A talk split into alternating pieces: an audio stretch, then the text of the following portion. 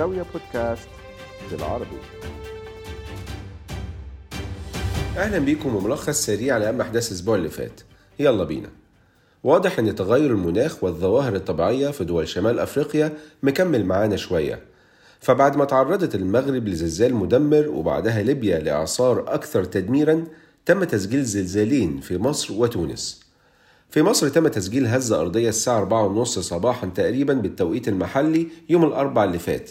بقوة 4.5 درجة بمقياس ريختر على بعد 265 كيلومتر شمال غرب محافظة مرسى مطروح. بس الحمد لله ما كانش فيه خسائر في الأرواح أو الممتلكات وتقريبا محدش حس بيه في مصر.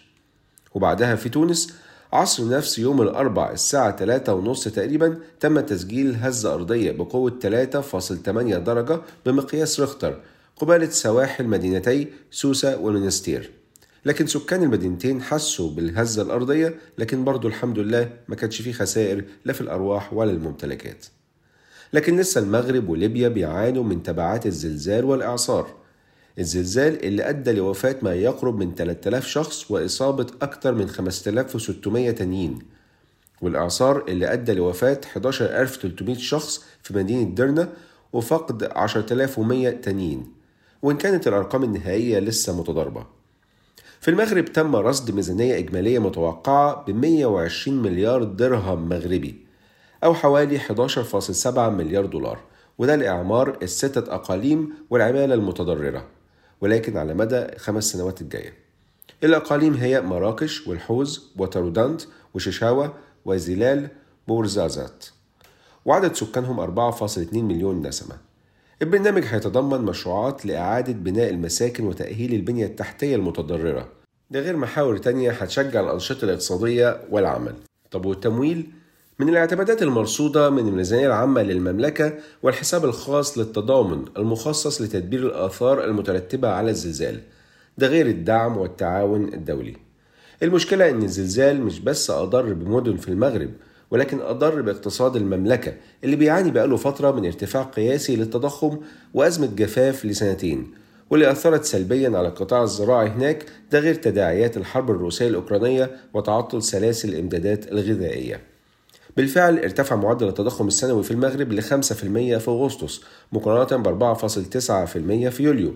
بعد تسجيل معدل التضخم مستويات قياسية وصلت ل 6.6% في 2022 مقارنة ب 1.4% بس في 2021 ده حتى القطاع السياحي اللي بيساهم بحوالي 7% من الناتج المحلي الإجمالي للمغرب هو كمان اتأثر بالسلب من الزلزال اللي دمر مساحات واسعة من المناطق التاريخية في مدينة مراكش. اللي بتعتبر عاصمة المغرب السياحية.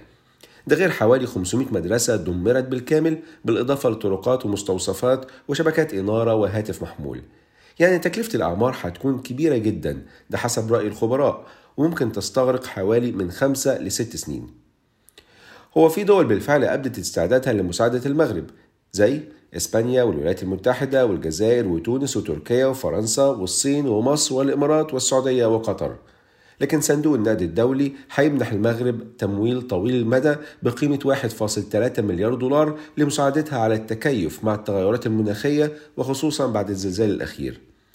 ومين عارف يمكن اللي حصل ده يخلي الدول المشاركة في قمة المناخ كوب 28 في الإمارات كمان شهرين إنهم يحددوا مصير صندوق الخسائر والأضرار اللي المفروض يوفر التمويل لمساعدة الدول المعرضة للخطر. علشان يقدروا يتحملوا التكاليف المتزايدة للأضرار الناتجة عن التغير المناخي لكن الزلزال برضه ما منعش لا صندوق النقد الدولي ولا البنك الدولي إنهم يعقدوا اجتماعاتهم السنوية لعام 2023 ما بين 9 ل 15 أكتوبر الجاي في مراكش بالمغرب زي ما كان مخطط ليه قبل الزلزال. أما في ليبيا فتعرضت مدن في شرق ليبيا وعلى رأسها مدينة درنا لسيول وفيضانات كبيرة. نتيجة إعصار دانيال ووصل عدد المباني اللي دمرت كليا في المدينة 891 مبنى واللي دمرت بشكل جزئي 211 مبنى و398 مبنى غمرها الوحل. يعني تقريبا 1500 مبنى تضرر أو حوالي ربع عدد إجمالي المباني في المدينة اللي هو 6142 وكرد فعل سياسي للي حصل في ليبيا وفي مدينة درنا بالتحديد تم إقالة المجلس البلدي لمدينة درنا بالكامل وحالتهم للتحقيق بعد انهيار سدين نتيجة الإعصار. في وقت فيه مطالبات محلية ودولية بفتح تحقيق حوالين أسباب انهيار السدين واللي أدى لحدوث سيول مدمرة في المدينة. كفاية كوارث بقى ونروح للاقتصاد ومشاكله الأسبوع اللي فات كان في اجتماعات لعدد من البنوك المركزية في العالم وفي المنطقة العربية. في الولايات المتحدة الفيدرالي الأمريكي ثبت أسعار الفايدة زي ما كانت التوقعات وبالتالي أسعار الفايدة فضلت في نطاق 5 وربع ل 5.5% علشان تكون المرة الثانية اللي الفيدرالي بيثبت فيها أسعار الفايدة السنة دي. ده بالرغم من أن معدل التضخم السنوي في الولايات المتحدة كان ارتفع من 3.2% في يوليو ل 3.7% في أغسطس. وده لسه أعلى من المستهدف الفيدرالي اللي هو عند 2% على المدى الطويل. التوقعات بتشير حاليا لاحتمالية زيادة أسعار الفايدة ب 25 نقطة أساس مرة كمان قبل نهاية السنة وبعدها يتم خفضها ب 50 نقطة أساس السنة الجاية. من ناحيتها وكما هو متوقع البنوك المركزية الخليجية ما رفعتش أسعار الفايدة لأن معظمهم بيربط عملته بالدولار الأمريكي. أما في إنجلترا فالبنك المركزي هناك ثبت برضو أسعار الفايدة عند 5.4% ولكن كان على عكس التوقعات وخصوصا أن معدل التضخم السنوي في بريطانيا لسه مرتفع بالرغم من انخفاضه من 6.8% في يوليو ل 6.7% في أغسطس. أما في مصر فالبنك المركزي المصري قرر تثبيت أسعار الفايدة الأساسية للمرة الرابعة السنة دي علشان تفضل أسعار الفايدة لليلة واحدة عند 19.4% للإيداع و20.4% للإقراض. ده بالرغم من ارتفاع معدل التضخم السنوي في المدن المصرية من 36.5% في يوليو ل 37.4% في أغسطس. وده اللي خلى مصر تحظر تصدير البصل لمدة 3 شهور وتمد قرارها السابق بحظر تصدير السكر بأنواعه لمدة 3 شهور كمان لتوفير احتياجات السوق المحلي. سياسيا بقى الهيئة الوطنية للانتخابات في مصر هتعقد يوم الاثنين الجاي اجتماع وبعديه مؤتمر صحفي علشان تعلن فيه عن الجدول الزمني للانتخابات الرئاسية في مصر اللي متوقع إنها تبتدي في الربع الأخير من السنة دي. ونروح للكويت اللي ارتفع فيها معدل التضخم السنوي من 3.75% في يوليو ل 3.82% في أغسطس. وفي قطر تباطأ معدل التضخم السنوي من 3.11% في يوليو ل 2.38% في أغسطس. وفي السعودية فائض الميزان التجاري تراجع بحوالي 73% على أساس سنوي خلال شهر يوليو. علشان يسجل 5.9 مليار دولار نتيجة انخفاض الصادرات السلعية وتراجع الصادرات البترولية وغير البترولية. في حين ارتفعت الواردات. وبما اننا بنتكلم عن السعودية فولي العهد الأمير محمد بن سلمان قال في حوار مع شبكة فوكس نيوز تم إذاعته يوم الخميس اللي فات قال إن المملكة بتقترب كل يوم أكتر من تطبيع العلاقات مع إسرائيل. لكنه قال برضو إن القضية الفلسطينية لا تزال نقطة مهمة للمفاوضات وفي حاجة ماسة لحلها. يعني الشرط الأساسي هو قيام دولة فلسطين. أما بخصوص إيران فولي العهد قال في نفس المقابلة مع فوكس نيوز إن العلاقة مع إيران بتتقدم بشكل كويس وبيتمنى استمرارها من أجل أمن المنطقة واستقرارها. بس قال برضو لو إيران بقى عندها سلاح نووي فلازم السعودية هي كمان يكون عندها سلاح نووي مش بس لأسباب أمنية ولكن لموازنة القوة كمان. من ناحيتها إيران عملت اتفاق تبادل سجناء مع الولايات المتحدة. وأطلقت سراح خمس أمريكيين قصاد إطلاق الولايات المتحدة لسراح خمس إيرانيين زائد 6 مليار دولار من أموال إيران. والاتفاق تم بوساطة قطرية. وفي الإمارات توقع وزير الاقتصاد الإماراتي أن معدل نمو الاقتصاد هناك يتجاوز الستة في المية السنة دي مقارنة بالسبعة فاصل تسعة في المية في 2022 بسبب نمو القطاع غير النفطي.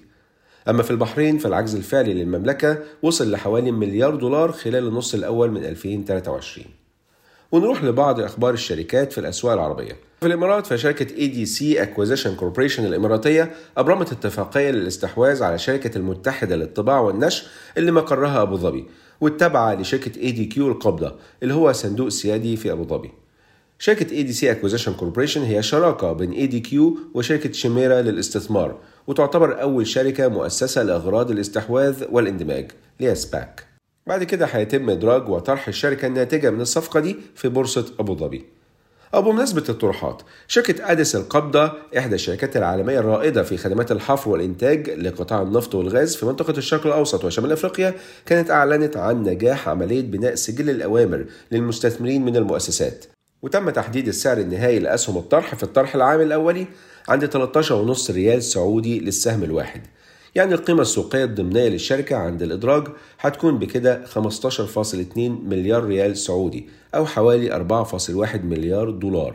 تم تغطية عملية بناء سجل الأوامر بتغطية إجمالية وصلت ل 62.7 مرة بإجمالي طلبات من المؤسسات حوالي 76.5 مليار دولار. كده مش ناقص غير اكتتاب الأفراد في الفترة من 26 لحد 28 سبتمبر بعدها يتم الإدراج في البورصة السعودية. ولسه في السعودية. الاثنين الجاي 25 سبتمبر إن شاء الله هيتم إدراج وتداول أسهم شركة لومي لتأجير المركبات وبيع السيارات المستعملة في السوق السعودي الرئيسي. أما في مصر فموضوع طرح أسهم شركة العاصمة الإدارية للتنمية العمرانية شكله لسه مش واضح لأن حجم الطرح المحتمل ما تحددش لحد دلوقتي. ده حسب كلام رئيس مجلس إدارة الشركة واللي كان قال في مقابلة تلفزيونية إن حجم الطرح هيتراوح ما بين 5% ل 10% من أسهم الشركة. وإن الطرح ممكن يكون على الربع الثاني من 2024 لكن آلية الطرح لسه بيتم دراستها مع الجهات المسؤولة عنه. يا مسهل. كان معاكم عمرو حسين الأفي من زاوية. تحياتي لكم. السلام عليكم ورحمة الله وبركاته.